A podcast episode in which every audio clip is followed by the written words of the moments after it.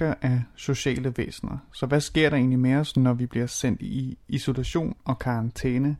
Vi isolerer os som et sikkerhedsmæssigt tiltag for at holde smittefaren for døren, men hvordan passer vi samtidig på vores mentale helbred? Velkommen til Filosofens podcast og rigtig god fornøjelse. Velkommen til Supertanker. Jeg hedder Carsten Nordmann. Be ready for instant action. Prepared for anything.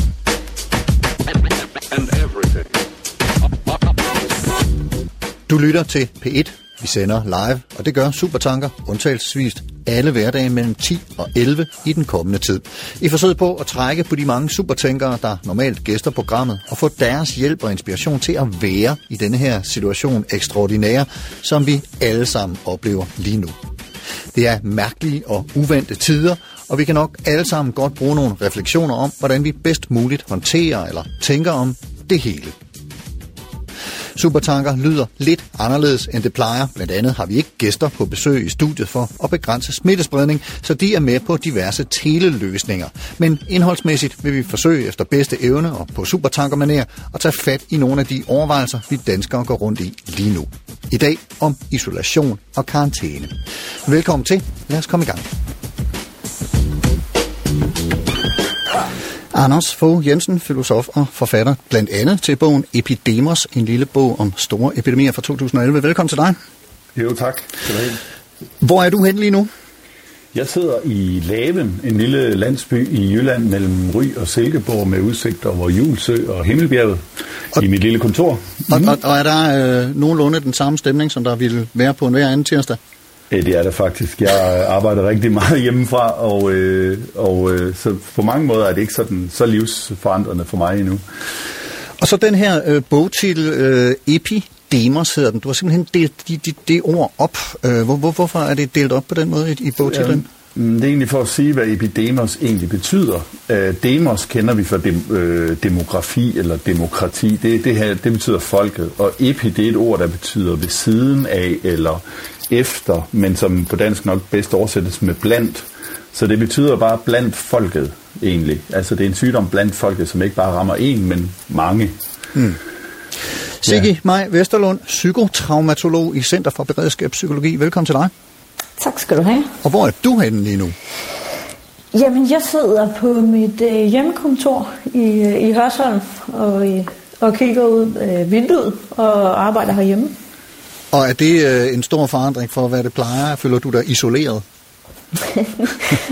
Nej, det, det, det, det gør jeg bestemt ikke. Øh, jeg arbejder rigtig meget hjemmefra, og øhm, i det hele taget er mit arbejdsliv utrolig foranderligt. Og der er stort set ikke to uger, der er ens. Øh, jeg holder kurser og underviser og har klienter og arbejder herhjemme. Og ja, så, så jeg er vant til, at, at ting forandrer sig. Og jeg er nødt til lige at spørge det her ord psykotraumatolog. Det er nyt for mig. Jeg synes, det er en ret fantastisk øh, betegnelse. Kan du fortælle, hvad det er? Ja, jamen altså i praksis så, øh, så laver jeg stort set det samme, som, som, som nogle psykologer gør. Øh, uddannelsen er bare lidt anderledes skruet sammen, kan man sige, og, og er sådan meget centreret omkring øh, krisetraumeområdet af, af det psykologiske. Så, øh, mm. så, så ja, det, det, det, det er det, jeg lever. Men du holder dig altså hjemme og er stort set kun sammen med, med dine nærmeste, for det har vi jo fået at vide, at vi skal, altså blive hjemme og holde afstand og alt det der for at undgå øh, smittespredning af coronavirusen. Og det er store forandringer til en hverdag, hvor vi går på arbejde og møder kolleger og spiser middag med venner og familie osv. osv. Alt det, vi nu helst skal lade være med. Hvad oplever du, øh, eller hvad ser du som udfordringerne for os mennesker, som jo, det har vi jo lært, er sociale væsener ved på den måde at blive pålagt en sådan slags ufrivillig isolation? Jamen, øh, altså, mennesket er jo i bund og grund et flokdyr. I, som du også selv siger, vi, vi er sociale. Vi vil gerne være sammen med hinanden, og vi er i bund og grund også øh, utrolig afhængige af hinanden. Vi er afhængige af øh, vores flok. Øh, vi er afhængige af at kunne se, øh, kunne aflæse i flokken, om alt er okay, om der er far på færre, om nogen har brug for hjælp, øh, at man selv kan række ud efter hjælp. Øh, og når man så ligesom bliver bedt om at, at afbryde øh, øh, den måde at være på, øh, så, så kan det virke lidt, lidt indgribende i, i normalen. Mm. Øh, så, så, så det er sådan, hvis man sådan skal tegne det, er sådan et helt urmenneskeligt billede. Um, men de udfordringer, jeg sådan ser lige nu, det er egentlig mest, øh, hvad skal man sige, nogle praktiske udfordringer, at øh, mange synes, det er praktisk svært at skulle være derhjemme og øh, ikke må trække på de kontakter, man plejer. Man skal måske have børnene hjemme, mens man øh, skal udføre sit arbejde hjemmefra, det kan være svært. Øh, og så det jeg ser også, det er, at det, det er uvandt, og for nogen kan det så være utrygt. Altså det, det vi er vant til at gøre, det er det, der skaber tryghed for os. Øh, så derfor er utrygheden øh, noget, der, der rammer i mange i det her. Ja. Nu, nu, øh, nu, nu brugte jeg lige øh, ordet isolation, og, og øh, noget, som jeg hæftede mig ved, Anders Fogh Jensen, filosof, i en, øh, i en, sådan en kronik, eller sådan et indlæg, der stod og læse i Politiken i fredags, hvor, hvor du skrev om nogle af de her ting, det var, at du havde nogle, øh, for mig så i hvert fald, ret skønne øh, sådan betragtninger på, eller, eller viden om, hvad, hvad ordet isolation kommer af, og lige sådan ordet karantæne, og, og der går min mm. indre sprognørd fuldstændig øh, i, i glædeshop. Øh, vil, vil du ikke lige øh, fortælle lidt om, hvad, hvad, hvad de her ord de, øh, betyder, og hvad de kommer af? Jo, øh, isolation, det kommer af det italienske isola, som jo betyder ø. Så det har været den strategi at sende nogen ud på en ø. Øh, og det kan man sige, det er der jo også en vis for eksempel var det jo også den måde, øh, englænderne håndterede kriminalitet på, på et tidspunkt ved at sende alle kriminelle til Australien. Ja. Øh, så, så, så det bruger vi så om alt muligt, der ikke har med en ø at gøre også. Øh, altså når vi isolerer folk. Og karantæne, det, øh, det var fordi man i øh, på pestens tid mente, og vel også med rette, at, at pest udviklede sig, og man døde inden for 37 dage. Så man øh, lod jo folk, når de kom til en by, fandt man ud af i Norditalien, så lod man dem være uden for byen i 40 dage, inden de kom ind i byen, øh, for at se, om de havde pest. Så de var sådan set mistænkte på forhånd. Og det her 40-20, det hedder på italiensk quarantina. Så, øh, så egentlig kommer ordet karantæne netop fra quarantina og, og de 40-20, der sidde ude i, i en lejr øh, noget tid, inden man skal ind. Det, det er jo ret pudsigt i virkeligheden, hvordan øh, Italien på en eller anden måde bliver, bliver omdrejningspunkter for det her, fordi det er det jo også nu. Altså, øh, mm. kan, kan vi knytte nogle refleksioner til det, at øh, ja, vi skal altså det, ret blikket der, derimod? Ja, ja, fordi Italien var et stort handelscentrum og har været det både i, i middelalderen, senmiddelalderen og, og renaissancen, og dengang var det meget øh, handel og og krig, som øh, smittede. I dag har vi også sådan, turisme og adspredelse og sådan noget, men, men det gjorde, at, øh, at der, der kunne komme mange skibe til Italien, og derfor var de øh, ofte dem, der var først ramt, og de har så været særlig fremme, kan man sige, med at udvikle sociale strategier til at undgå, at, øh, at, at smitten spreder sig. Derfor er det også sådan lidt, man kan jo sige, det det, er lidt, det virker lidt tilfældigt, men det er jo stadigvæk på grund af meget turisme sikkert også, men også andre tilfældigheder, at det lige er Italien. Det er i hvert fald skæbnens træf, at, at det igen øh, rammer Italien, og jeg synes også, at vi på en måde godt kan se, at landene isolerer sig lidt fra hinanden. I hvert fald hører man jo også fra Italien, at de ikke får så meget hjælp fra EU, og at landene koncentrerer sig om sig selv og have masker og andre ting. Ja. Så, øhm, jeg får lige lyst til at kommentere lidt ja. på, på, på det, øh, øh vi hører Anders fortælle, fordi jeg synes, det er nogle helt fantastiske eksempler på, hvordan isolationen på mange måder bliver forudsætningen for gruppens beståen. Altså, øh, øh, vi er flokdyr, vi, vi skal være med i en gruppe, men isolationen er... Er jeg faldet ud? Eller?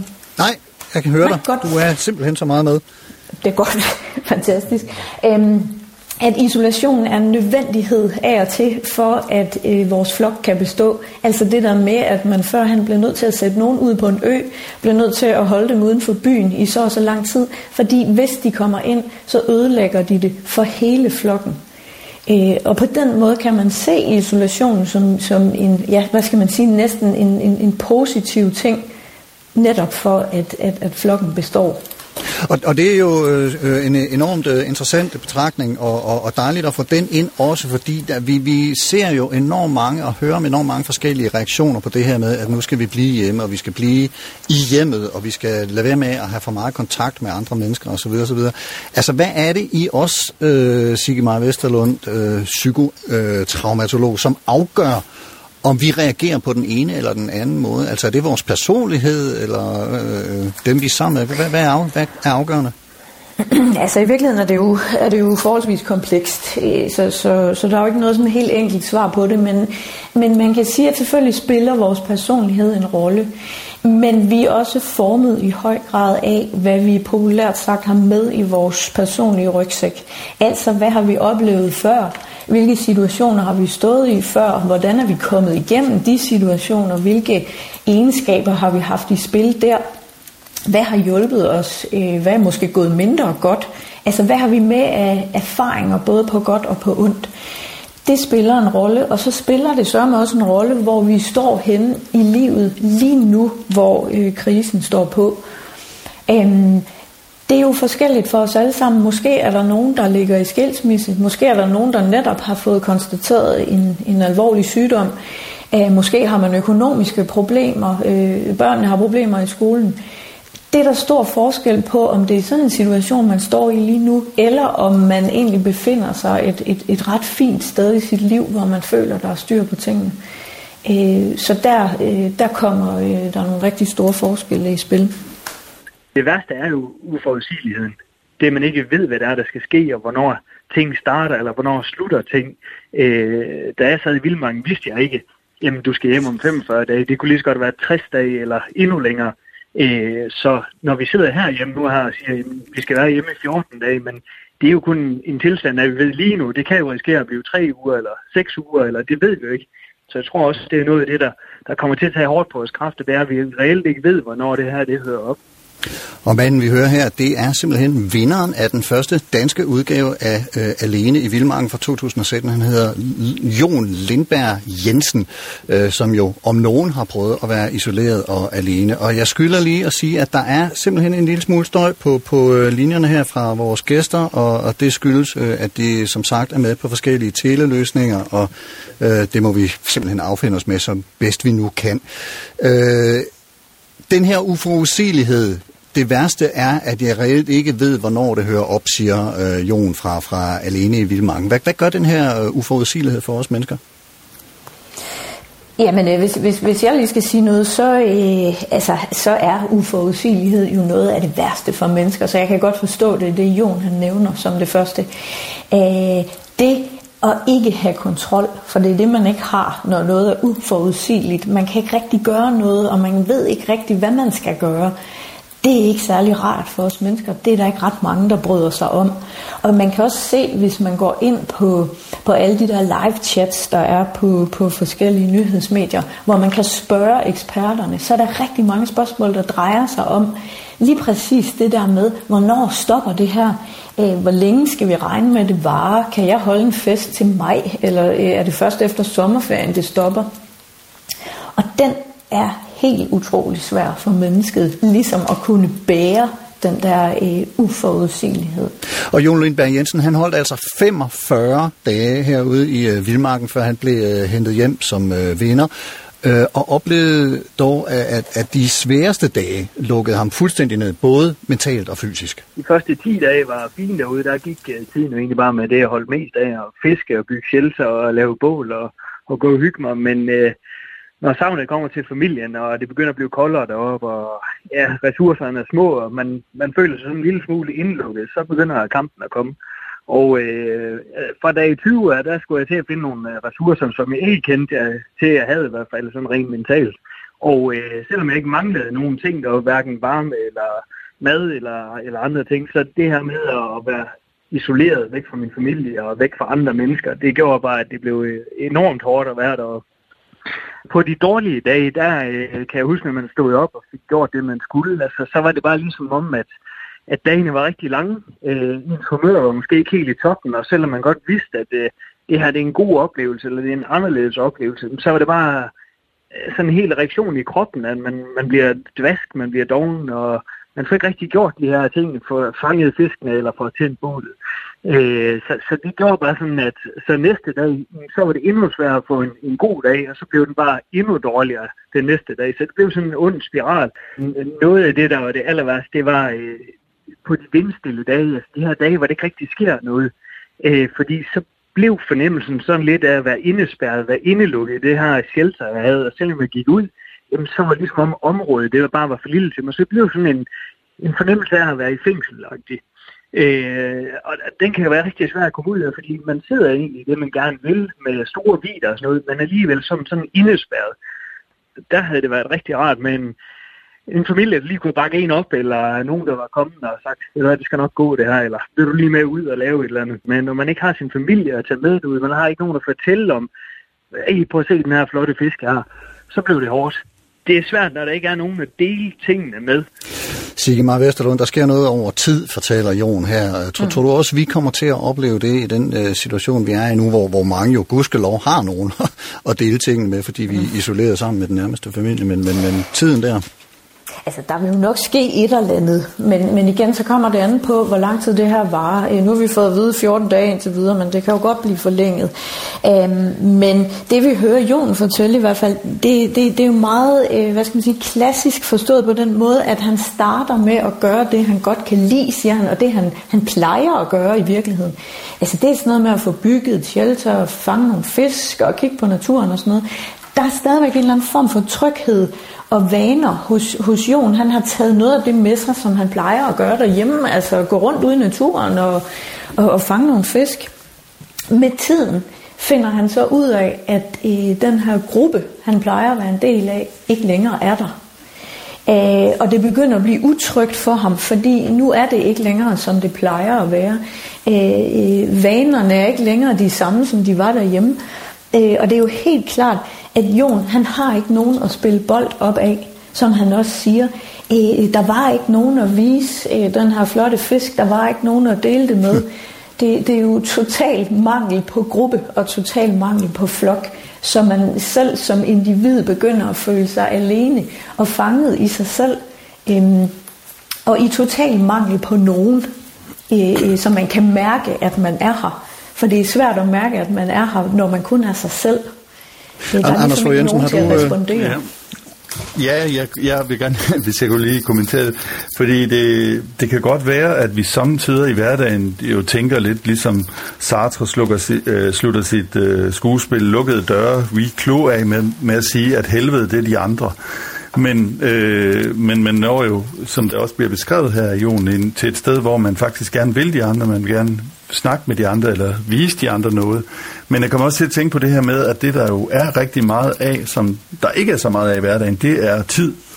Øh, og for nogen, og langt fra alle, jeg ved, der er nogen, der knokler helt vildt lige nu, men der er også andre, der har fået frigivet meget, meget tid, og for mange, der tror jeg, at tid er den knappeste ressource. Øhm, men så kan der opstå de her sådan, hvad vi kunne kalde uintenderede decelerationer, som Altså, at, at ting går ned i tempo, jeg synes, det er det, han beskriver, så kan han næsten ikke få gjort noget på en dag, som jeg synes, at jeg både selv har erfaret som arbejdsløs, og også øhm, under depressioner og sådan noget. Tingene ligesom går ned i, i tempo. Der er også mange ensomme, øh, enlige og ældre, der, hvor, hvor, hvor tingene... Og det er det, de har et godt øh, udtryk for på tysk med ordet langvejle, at tiden bliver lang.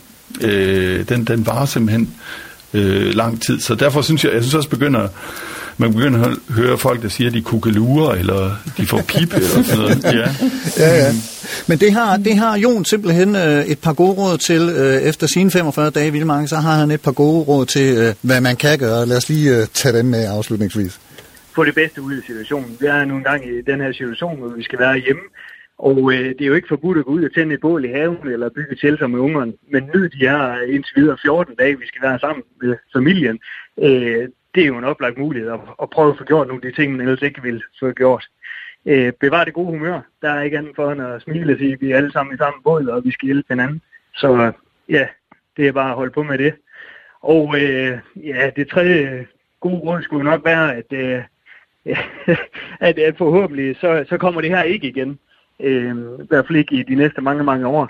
Så igen, øh, få det gjort de ting, du vil gøre ellers i en sommerferie eller noget. Altså nyd det her øh, tage ud og lave noget godt mad på grillen, eller et eller andet, men få tingene gjort, i stedet for bare at sidde og være negativ. Få tingene gjort. When all is ready, I throw this switch. Would you mind saying that again?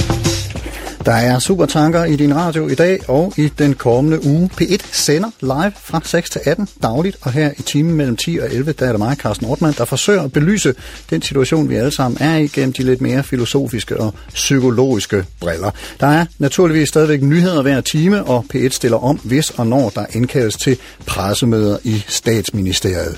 Men vi øh, forsøger altså at hente refleksioner og hjælp fra filosofien, idehistorien og alle de der supertænkende discipliner, som måske kan sætte nogle andre ord på vores færden i situationen end dem, vi hører fra nyhedsmedier, politikere og sociale medier. Og i udsendelsen i dag, der taler vi altså om isolation og karantæne, og samtalepartnerne er filosof Anders Fogh Jensen og psykotraumatolog fra Center ved Beredskabspsykologi, Sigi Maj Vesterlund.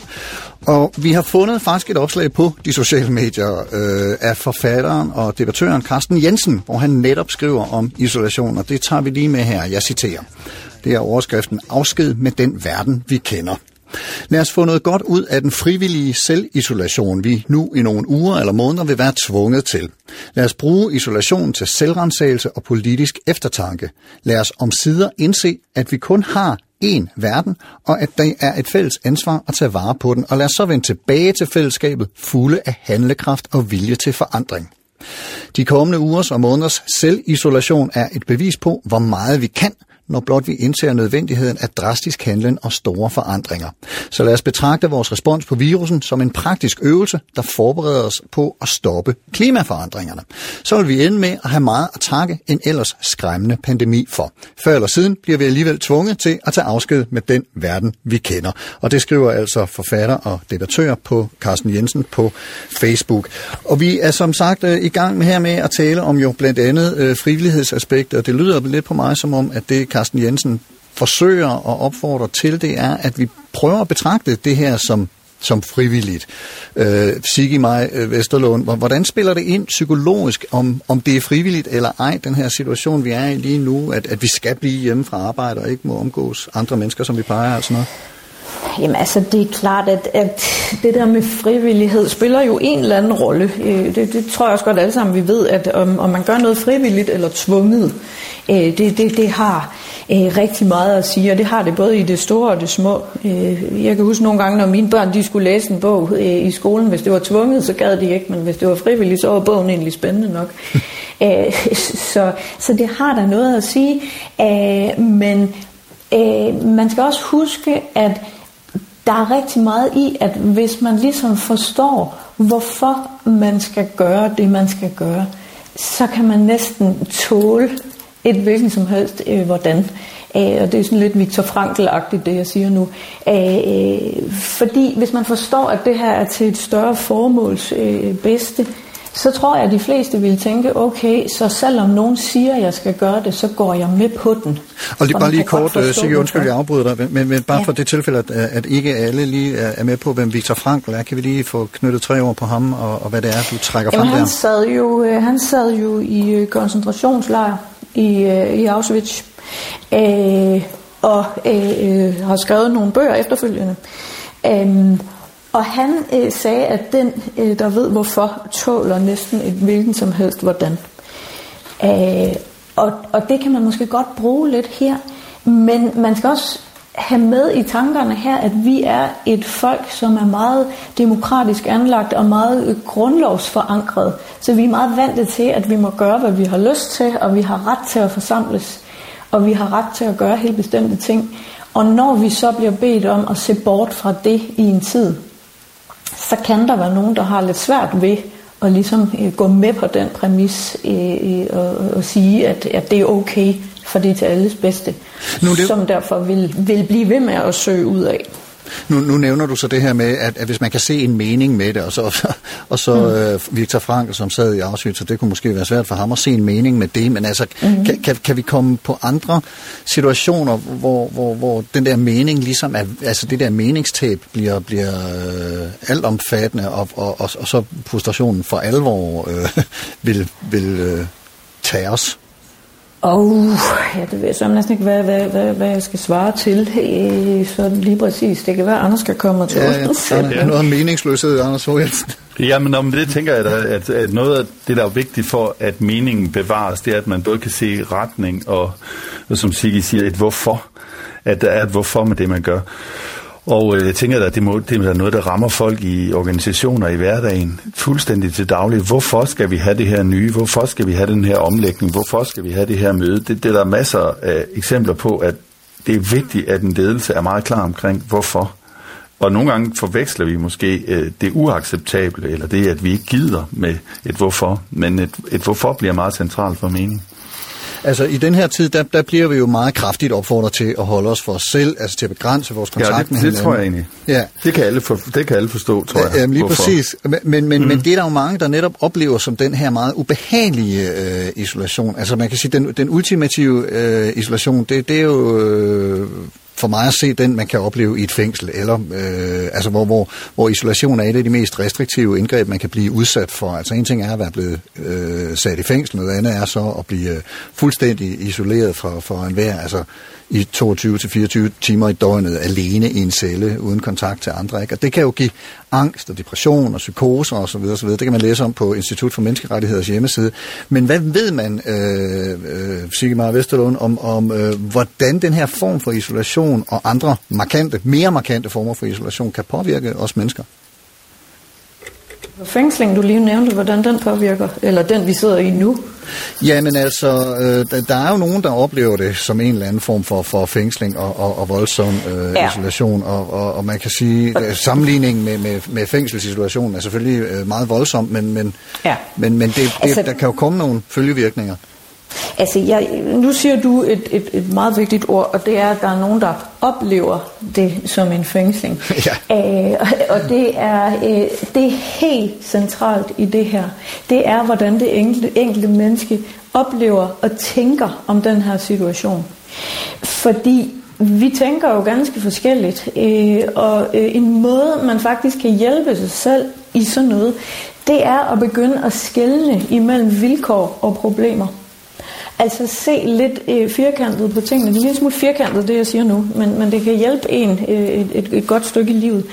Øh, at man skældner imellem, hvad er vilkår og hvad er problemer. Fordi vilkår, det er sådan noget, man bliver nødt til at, at, at acceptere med tiden. Og, og acceptere betyder ikke, at man, man hejser fladet og fester igennem, men, men det betyder, at man må forlis med det og, og, og ligesom komme overens med det. Hvis det er et problem, så er det noget, der skal løses helt eller delvist. Det vi sidder i her med, med, med isolation, hvis vi skal kalde det det, det er et vilkår, fordi det, det er noget, der bare skal være på den her måde. Og derfor så kan det godt betale sig, at man ikke slås for meget med det vilkår i tankerne. Altså det vil sige, at man går rundt og bruger meget tid på sådan noget som, det kan da ikke være rigtigt, vi skal blive derhjemme, hvor længe vil det her vare, eller øh, øh det ord, som, som Anders så sagde, hvorfor? Hvorfor skal vi det? Hvorfor må man nu ikke gøre sådan og sådan? Fordi det optager så meget af vores tanketid og gør os i værste fald i rigtig dårligt humør, fordi tankerne typisk bliver negative. Øh, så hvis man kunne forlise en lille smule med det vilkår, at øh, vi skal altså lige være hjemme i et stykke tid, så kan man måske frigøre nogle tanker til noget andet, som vi hørte øh, Jon sige. Få det bedste ud af situationen. Prøv at tænke på noget andet. Prøv at få gjort noget andet, og øh, se, hvad du kan få ud af det. Would you mind saying that again? P1 sender 12 timers live radio hver dag fra i går. Vi sender mellem 6 og 18, og flere af programtitlerne er nogen, du kender fra P1, blandt andet Supertanker, som du lytter til lige nu. Formen er præget af, at vi skal undgå tæt fysisk kontakt, så gæsterne er ikke med i studiet, som de normalt er, men er med på øh, forskellige teleforbindelser, og det giver altså øh, en lille smule støj. Det beklager vi, men det er så et af de vilkår, som vi øh, med Sigmar Vesterlunds øh, ord her skal, skal prøve at være i.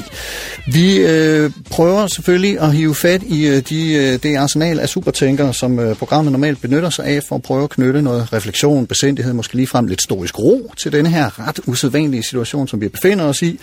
Og jeg skal også huske at sige, kære lytter, hvis der er noget, I spekulerer over, undrer jer over, er frustreret over i hele den her situation, og som I tænker, man da godt lige kunne tage under filosofisk behandling her i programmet, så skriv. I får adressen lidt senere. Men altså i dag, der har jeg et øh, par medvirkende siddende ude på egne matrikler. DR's bygninger er som sagt lukket land for alle andre end udvalgte ansatte, og øh, via øh, de forskellige øh, net- og teleforbindelser, øh, så har jeg altså kontakt med filosof og forfatter Anders Fogh Jensen og psykotraumatolog i Center for psykologi Sigge Maj Vesterlund. Og Anders Fogh Jensen, øh, nu går vi lidt i, øh, i, i, i filosofien, og det gør vi med en af Supertankers tilbagevendende skikkelser, nemlig franske Michel Foucault, fordi han har nemlig skrevet nogle ting om øh, pestbyen, som du lige kort berørte øh, tidligere, og om, om fængslet, som øh, vi også lige var omkring med, med isolationsfængslingen og, og Sigmar Vesterlund. Øh, hvad er det, hvad er det Arne, øh, Michel Foucault, han bruger den her pestby til, og hvad, hvad er det, han har tænkt videre over i den forbindelse?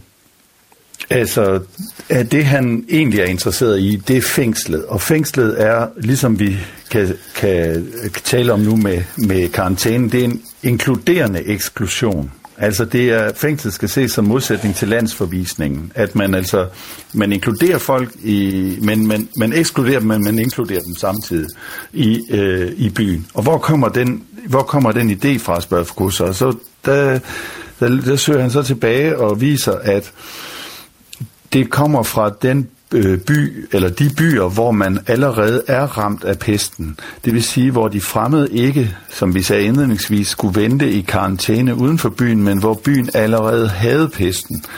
Hvad gør man der? Der bygger man karantænen, altså det at skulle være isoleret i 40 dage, det bygger man ind i byen og laver øh, den totalt gennemregulerede by.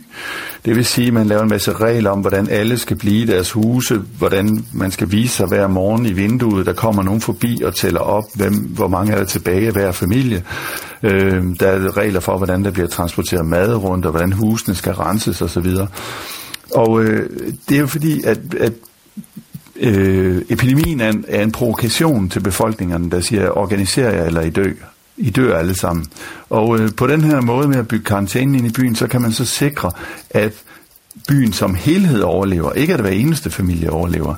Øh, og det er jo også sådan lidt det, vi ser nu. At vi, vi garanterer, vi, vi håber, at alle overlever, men det gør de nok ikke. Men vi håber, at populationen som helhed overlever. Øhm, og det, som Foucault så siger, det er, at pestbyen bliver forbilledet for fængslet. Fordi det er det her, det er egentlig den, kan du sige, den fascistiske drøm om at vide, hvor alting er hele tiden. Øh, og det bliver et forbillede øh, for fængslet øh, og for overvågningsteknikker og sådan noget. Som Foucault så i den bog, der hedder Overvågning og straf, der beskriver han, hvordan samfundsinstitutionerne kopierer fængslet derfra. Og, og, og, og, ja, og man kan sige, at altså, øh, en ting er, at, at vi er i den øh, inkluderende isolation, eller inkluderende karantæne, nu kan jeg ikke huske, hvad det var for et ord, du brugte der, men, men netop det her med, at ja. vi bliver opfordret til at blive i vores hjem, vi er dog endnu ikke nået til, at vi alle sammen skal vise os i vinduet hver dag, og, og blive til op, og det gør vi forhåbentlig heller Ej, ikke. vi har heller ikke låst inde og sådan noget. Nej, nej, nej, lige præcis. Nej. Øhm, men, men, men hvad hedder det, altså den her, øh, den her situation, vi står i øh, nu, og, og, og det her med øh, også, at, at syge førhen er, er blevet isoleret og sendt væk og i karantæne osv., osv. det er jo noget, øh, Foucault så faktisk også tager videre i, øh, øh, i en bog, øh, som hedder Galskabens historie, hvor, hvor han... Øh, hvor, hvor han øh, går, går i lag med at spore asylets øh, herkomst. Kan du, kan du sige lidt om det også? Ja, Ja, altså asylet, eller det, det er faktisk en bog, der kommer ind i 61, kom galskabens historie. Og det var, den handlede egentlig om, øh, hvordan galskab var blevet til sindssyge. Og øh, det, det er det blevet ved, at man jo har øh, har buret de gale inde, i stedet for at de cirkulerede rundt, ligesom landsbytossen øh, gjorde. Øh, men hvor, hvor, hvor har man fået den idé fra? Ja, den har man fået fra håndteringen af spedalskeden igennem middelalderen, hvor man, øh, som huserede sådan fra det 12. til det 16. århundrede, og man kan sige, måden at svare på epidemiens spørgsmål, hvordan vi organiserer jer, organiserer jer eller I døder, det var at sende det syge væk. Altså det kan jo også være en måde at håndtere problemet, en form for eksorcisme, ikke? hvor man sender det syge ud, og der byggede man nogle huse ude omkring byerne, øh, hvor man så sendte øh, de spedalskedsramte ud for, at byen som helhed skulle overleve. Og da spedalskheden begynder at klinge af øh, i det 16. århundrede og også i det 17. århundrede, så står den her teknologi klar, og man begynder så at, at bure de ikke-produktive inde herunder de gale. Øhm, og øh, så siger Foucault sted, hvordan kan det være, at galskab blev til sindssyge? Ja, det var egentlig fordi, at det var lægerne, der havde magten ude i de øh, asyler, der, så de begyndte at forstå galskab som en sygdom. Øh, På samme måde så, som spedalskheden var ja, det, og så kunne man bruge de, øh, ja, Ja, så, så, så det, man kan sige, det at, at, at sende det syge ud, er jo egentlig en, øh, ligesom vi smider skrald ud, eller sådan noget. Det, det er en, en, øh, en måde at gøre rent på, hvis man kan sige sådan. Den er mere øh, primitiv end, her, øh, end, end det at, at lukke folk ind i deres hjem. Her vil vi trods alt bevare det syge, øh, men, men, men vi venter på, at tiden ligesom går. Øhm, og man kan sige, at alle, alle øh, alle epidemis, øh, at det, hvor enhver epidemibekæmpelse begynder, det er at sikre, hvad man kunne kalde antitaktilitet. Det vil sige, ikke berøre det syge. Mm. Og det er så forskelligt, om man jo, ligesom med AIDS, skulle berøre slimhinder, eller øh, som nu med corona, der er mere luftborn, øh, hvordan, hvad det er, man ikke må gøre. Men i virkeligheden handler, øh, øh, handler det egentlig om, at øh, den antitaktile strategi for den mobiliseret. Det vil sige, øh, når vi til daglig ser bæren, øh, bagerjomfruen have, have plastikhandsker på, så er det jo fordi, hun siger, jeg skal ikke berøre det, du skal spise ved. Og det var jo egentlig også øh, under i 80'erne, da man markedsførte en, en fransk opfindelse fra det 1900, nemlig kondomet. Der var det jo et forsøg på også, man ville jo ikke sige, at I ikke må røre ved hinanden, men lad være med at røre ved hinandens slimhinder, så, så du, du kan sige, at den, kondomet var egentlig den tyndeste væg, eller den tyndeste mur, der skulle sikre, at man ikke, øh, at man ikke berører det.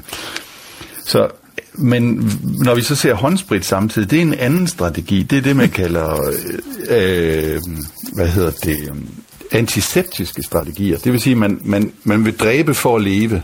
Altså, man, man slår noget ihjel, nemlig bakterierne på hænderne, for at menneskeheden skal overleve.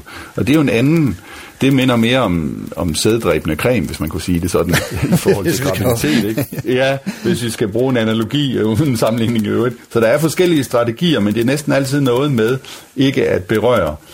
Øh, der er også et forsøg på at hæve sundheden, som man så under tuberkulosen, altså man forsøger at leve det sunde liv, så man kan tåle at have sygdom og alligevel leve videre. Og endelig er der sådan, hvad man kunne kalde immunitetsstrategier, det vil sige, som vi kender fra vaccinen, at man bevidst opsøger og berører sygdommen for at få den, men for at overleve den. Så sådan øh, er der jo forskellige, men da vi ikke har nogen vaccine endnu, så er vi ligesom henvist til det antitaktile, og dermed øh, isolation og karantæne.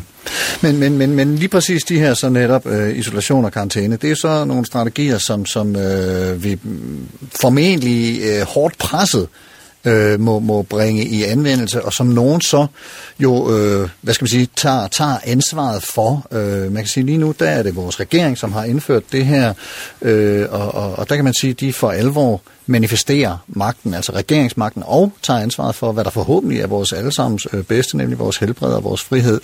Og der øh, kan vi så øh, trække et af de gamle øh, oplysningsfolk inde, nemlig engelske øh, Thomas Hobbes, og lidt senere ham, øh, end ham, øh, John Locke, som også er englænder, og Jean-Jacques Rousseau, franskmænd. Og de tre tanker bliver så i nogen grad samlet i, jeg mener det er 1930'erne, af tyske Max Weber, så har vi så også et par hundrede år og, og store dele af, af Europa dækket. Men, men, men det, her, det her med, at, at nu går øh, vores regering ind og siger, nu skal I blive hjemme. Nu laver vi den her isolationsstrategi. Øh, hvad hvad, hvad, hvad kan man sige om den øh, sådan rent øh, politisk-filosofisk øh, med, med Weber yeah. i hånden? det man kan sige, det er, at, at øh, staten går ind og begrænser ens frihed, ens øh, frie udfoldelse. Og den øh, frihedsbegrænsning er, øh, har der jo været lange diskussioner i øh, filosofiens historie. Kan man acceptere det, eller hvor, er stat, det, det er et spørgsmål om, er staten legitim? Kan man ville kan man ville, at man ikke må gøre alt? Øh, og der er øh, forskellige argumenter for det, og det, et af dem er jo, ja, ja, fordi du bliver mere fri af det. Hvis ikke der var øh, ejendomsret og en beskyttelse af ejendomsret for eksempel, så ville du hele tiden skulle bruge al din energi på at forsvare dine ting. Øh, og på, på den måde er, opererer man så med sådan noget fiktivt, som man kalder en samfundspagt. Altså vores forfædre kunne have villet dette, så derfor er det okay, at vi har staten. Men det som Altså, og hvis ikke vi havde staten, så ville vi få det, Hobbes kalder, kalder øh, alles krig mod alle. Altså, så ville vi have det rene anarki, og så ville det være vold, der ligesom løste problemet. Men det, som så er ved staten, det er jo, at den i sidste ende, som øh, Max Weber, øh, ty- tysk sociolog, der formulerer det sådan, at, at øh, en stat er det, der har monopol på vold på et territorium. Det vil sige, at det henviser altid, for at loven skal virke, for at vi skal adlyde staten, så henviser det altid i sidste ende til, at vold kan blive brugt. Vold, vold, man gemmer det helst, fordi staten vil helst ikke have det ansigt, men øh, de vil helst have det ansigt, der, der, der ligesom animerer og faciliterer i dag. Men nu ser vi den, staten rykke lige et skridt tilbage og sige, du skal. Øh, og, og, og det næste vil selvfølgelig så også være, at der er jo også kommet nogle lovforslag igennem om, at man kan gå ind i huse og sådan noget. Det er jo fordi, at hvis nu Altså her har vi jo med noget, der, det, det er ikke bare dit eget liv, du bestemmer over. Du, du, du smitter jo simpelthen også andre, hvis du øh, lever en, en, øh, en livsfølelse, som du lige har lyst til. Så derfor så, øh, så, så bliver staten i sådan en form for populationsbeskyttelse bliver den nødt til at, så at sige, vise tænder lidt mere nu, end den, end den plejer.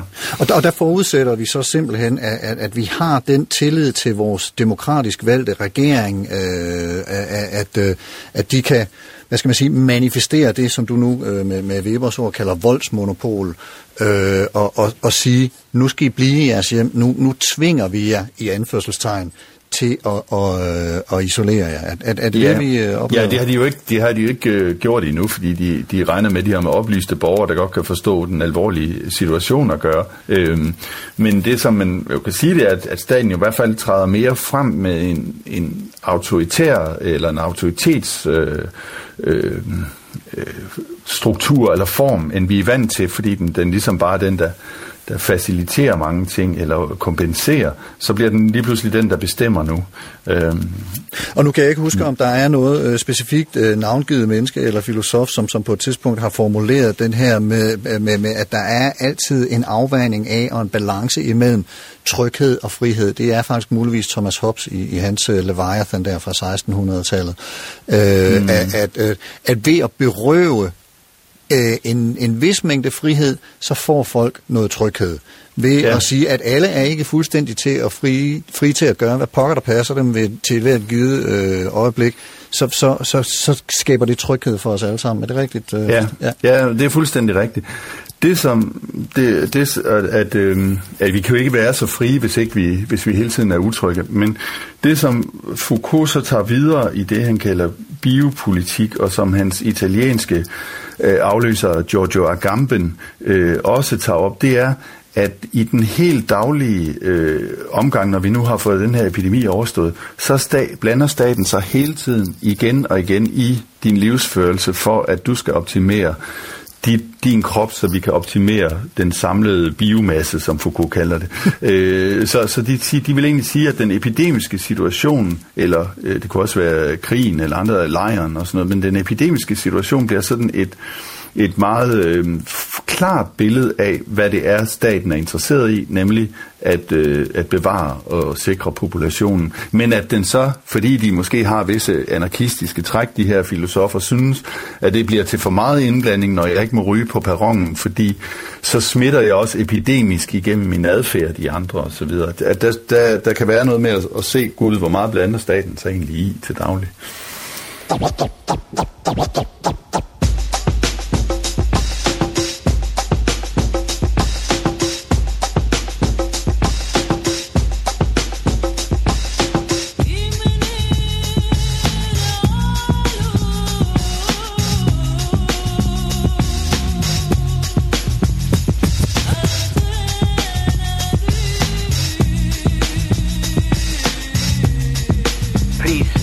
Would you mind saying that again? Thinking of a master plan. Det var lytter til øh, P1, hvor der her i timen mellem 10 og 11 er supertanker. Jeg spritter fingrene af og sender fra studiet i Aarhus, og mine gæster er med på telefoner. Vi taler om isolation i dag, og gæsterne er Sigge Maj Vesterlund, som er psykotraumatolog i Center for Beredskabspsykologi, og Anders Fogh Jensen, som er filosof.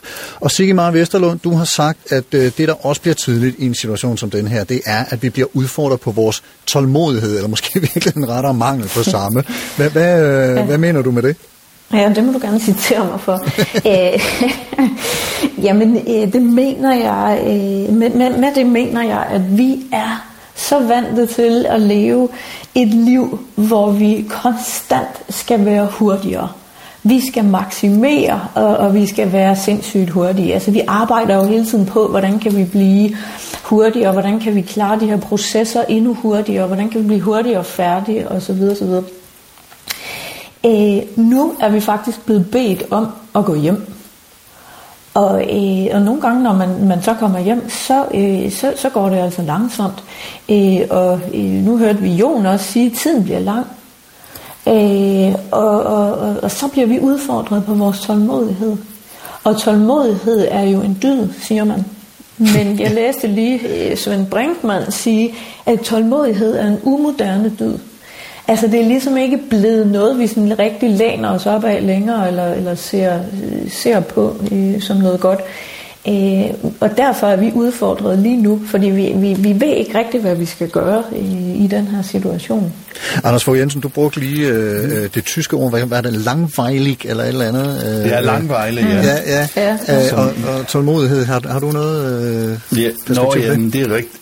Ja, fordi og det har jo den her dobbelt betydning. På tysk er tiden er lang, og øh, vi plejer at oversætte det med kedsomhed. Altså, mm. øh, at kedsomhed, det er tiden bare, og, og det, det, er jo, det er jo rigtigt, fuldstændig rigtigt, som siger, siger at man, man kommer, bliver udfordret på det her med at kunne vente, men jeg tror virkelig også, at det kan komme nogle gode ting ud af, at vi igennem en tid, og jeg må indrømme, jeg tror, det her det bliver længere end 14 dage, det kan sagtens blive halvanden måned. Mm, det, det, det tror skal, jeg også øh, ellers så kan jeg ikke få det til at passe med kurverne og sådan noget i hvert fald. Men øh, at vi simpelthen bliver tvunget til at øve os i, at tingene foregår i et langsommere tempo, og at vi har mere tid, end vi er vant til.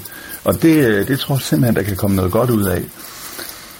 Men, men, men, men det, altså, hvis vi så skal se på den her aktuelle situation med positive briller, så kan det jo så mm. måske godt vise sig at være godt for os med den her isolation. Altså netop, at vi lærer øh, at, at, at tingene godt kan gå lidt langsommere, og, altså, øh, og, og, og vi bliver psykologisk vendet til, til noget mere øh, tålmodighed, øh, Sigmar Vesterlund. Altså, altså, selvom det er på en kedelig baggrund, at det her foregår, er der så måske, også som Carsten Jensen var inde på i det, jeg citerede ham for, at der kan komme noget godt ud af det? Det, det er der overbevist om, der kan, og hvis man kigger en lille smule ned i forskningen. Nu er der faktisk ikke forsket sådan vildt meget på det der med isolation, men der er faktisk en, en, en dansk psykolog, der hedder Anders Kjærgaard, der har forsket på en, øh, en dansker, der har sejlet jorden rundt i, i ni måneder helt alene. Øh, og der ser det altså ud som om, når man kigger lidt ned i den forskning, at der kommer meget godt ud af det. Altså at han har oplevet sig selv blive bedre på visse punkter. Øh, godt nok har han oplevet, at der er blevet skruet ned for det at være social med andre mennesker, men det har jo heller ikke været nødvendigt i de ni måneder, han har været væk. Og den kan man måske overføre lidt til vores situation nu, at det kan godt være, at vi, mens vi sidder herhjemme, faktisk skruer lidt ned for nogle af de øh, egenskaber, vi er vant til at bruge, når vi er sammen med mange mennesker, når vi skal træffe beslutninger hen på vores jobs, og når vi skal lede et stort møde, og hvad vi nu ellers sidder i. Omvendt bliver der måske skruet op for nogle andre ting, mens vi sidder derhjemme. Altså det at kunne agere i det små med sin familie, det at kunne passe godt på hinanden. Måske kan man få øh, en og nye idéer, når man sidder derhjemme, gå i gang med noget, man ellers ikke ville have gjort. Så jeg er helt overbevist om, at der kan komme meget godt ud af det her. Så, så hvis vi på en eller anden måde er i stand til hver især og, og, og, og hvad skal man sige, omtænke, øh, hvad nogen oplever som en, øh, en tvunget isolation til at være en, hvad skal man sige, en, en frivillig ting, vi alle gør sammen, gør sammen for vores mm. allesammens bedste, så, så, øh, så kan vi blive klogere og, øh, og, og, og komme videre øh, med det på den måde. Den udfordring kunne vi da i hvert fald tage op, synes jeg. Og, og Anders Fogh Jensen, øh, har, har du noget på, på tålmodigheden her? Og, og... Ja, jeg tænker bare, at det er rigtigt, den er, jo, den er jo frivillig i en vis forstand. Jeg kan godt gå uden for min dør og sådan noget, men, det, men spørgsmålet om, jeg behøver at få omformuleret den til at være frivillig. Altså man ikke bare kan sige, som Sigge rigtig sagde før, at jeg kan acceptere den som vilkår. Øh, fordi så tror jeg virkelig, at jeg tror, det er rigtig ubehageligt på kort sigt, men jeg tror, det kan blive bedre lidt på, på, på lidt længere, øh, længere sigt. Og så tror jeg, at der kommer nogle andre virkelig gode ting ud af, øh, isolationen også. Altså, jeg tror, vi kommer til at værdsætte, at vi har en stat, som ikke kan, godt nok ikke kan styre epidemien, men som har styr på mange ting, og vi bliver mere taknemmelige over den. Vi er mere taknemmelige over vores sundhedssystem.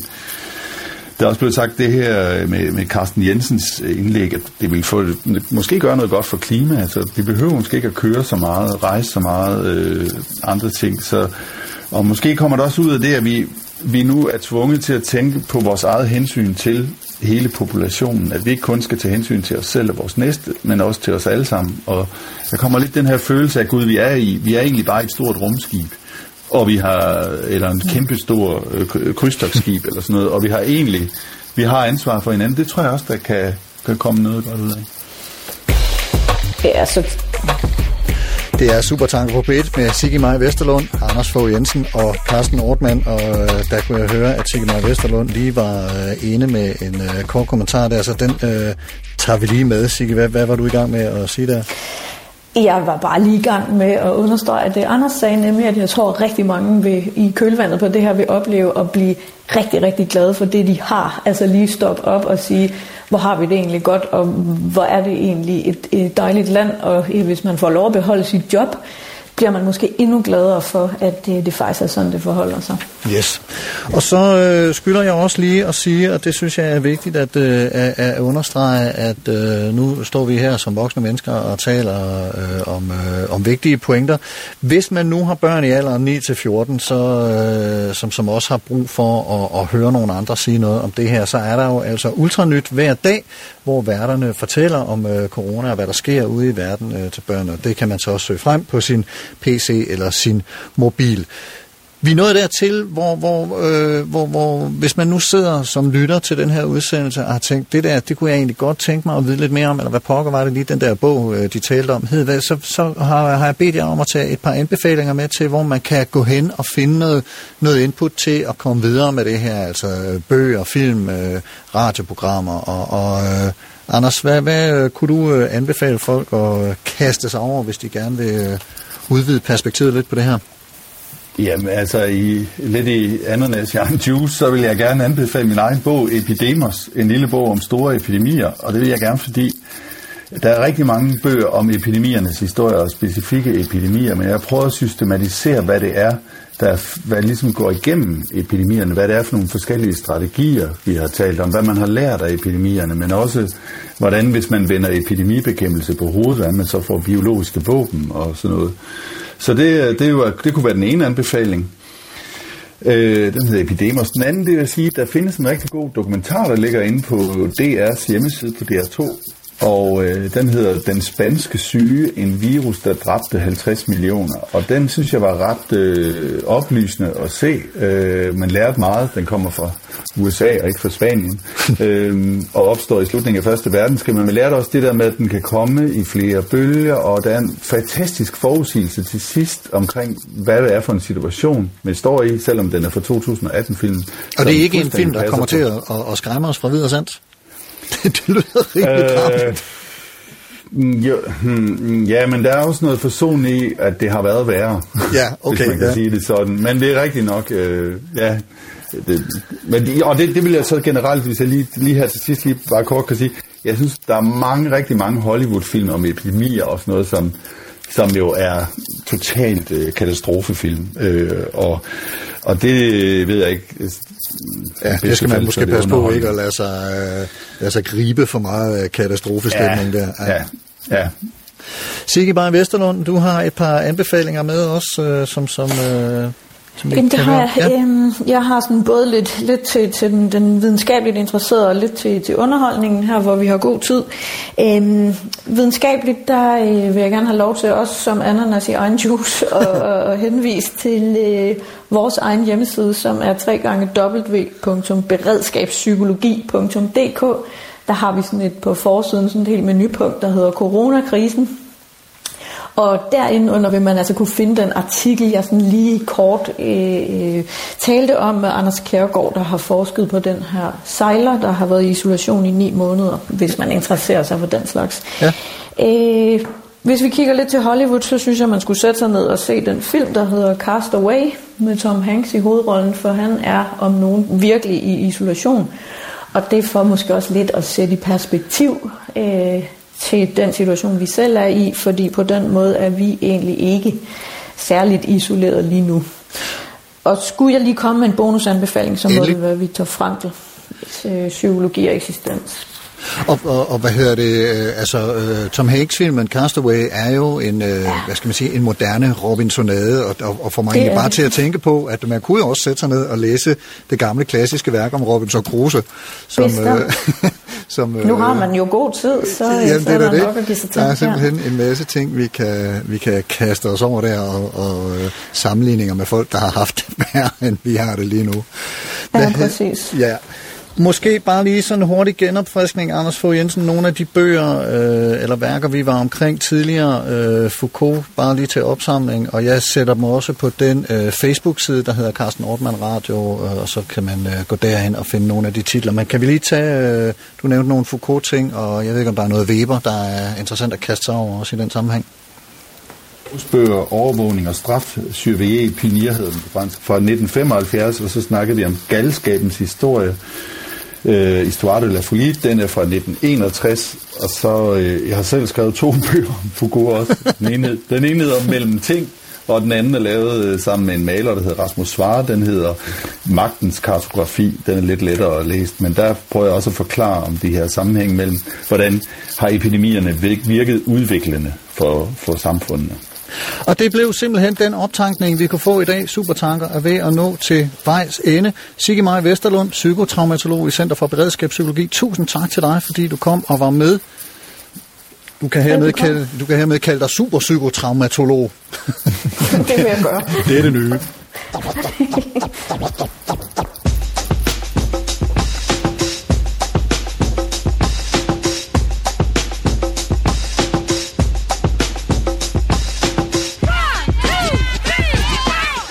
Og der skal selvfølgelig også lyde et enormt stort tak til dig, Anders Fogh Jensen, superfilosof. Mange tak, fordi du kom og bidrog til udsendelsen her. Altid. Og som sædvanligt også stor tak til dig, kære lytter, for at lytte med. Husk, hvis du kan lide, hvad du hører, så del det med dine venner og slægtninge, og det kan jo være, at noget af den øh, lange ventetid og utålmodighed kan øh, gå med at lytte til radio. Det kan jeg da anbefale.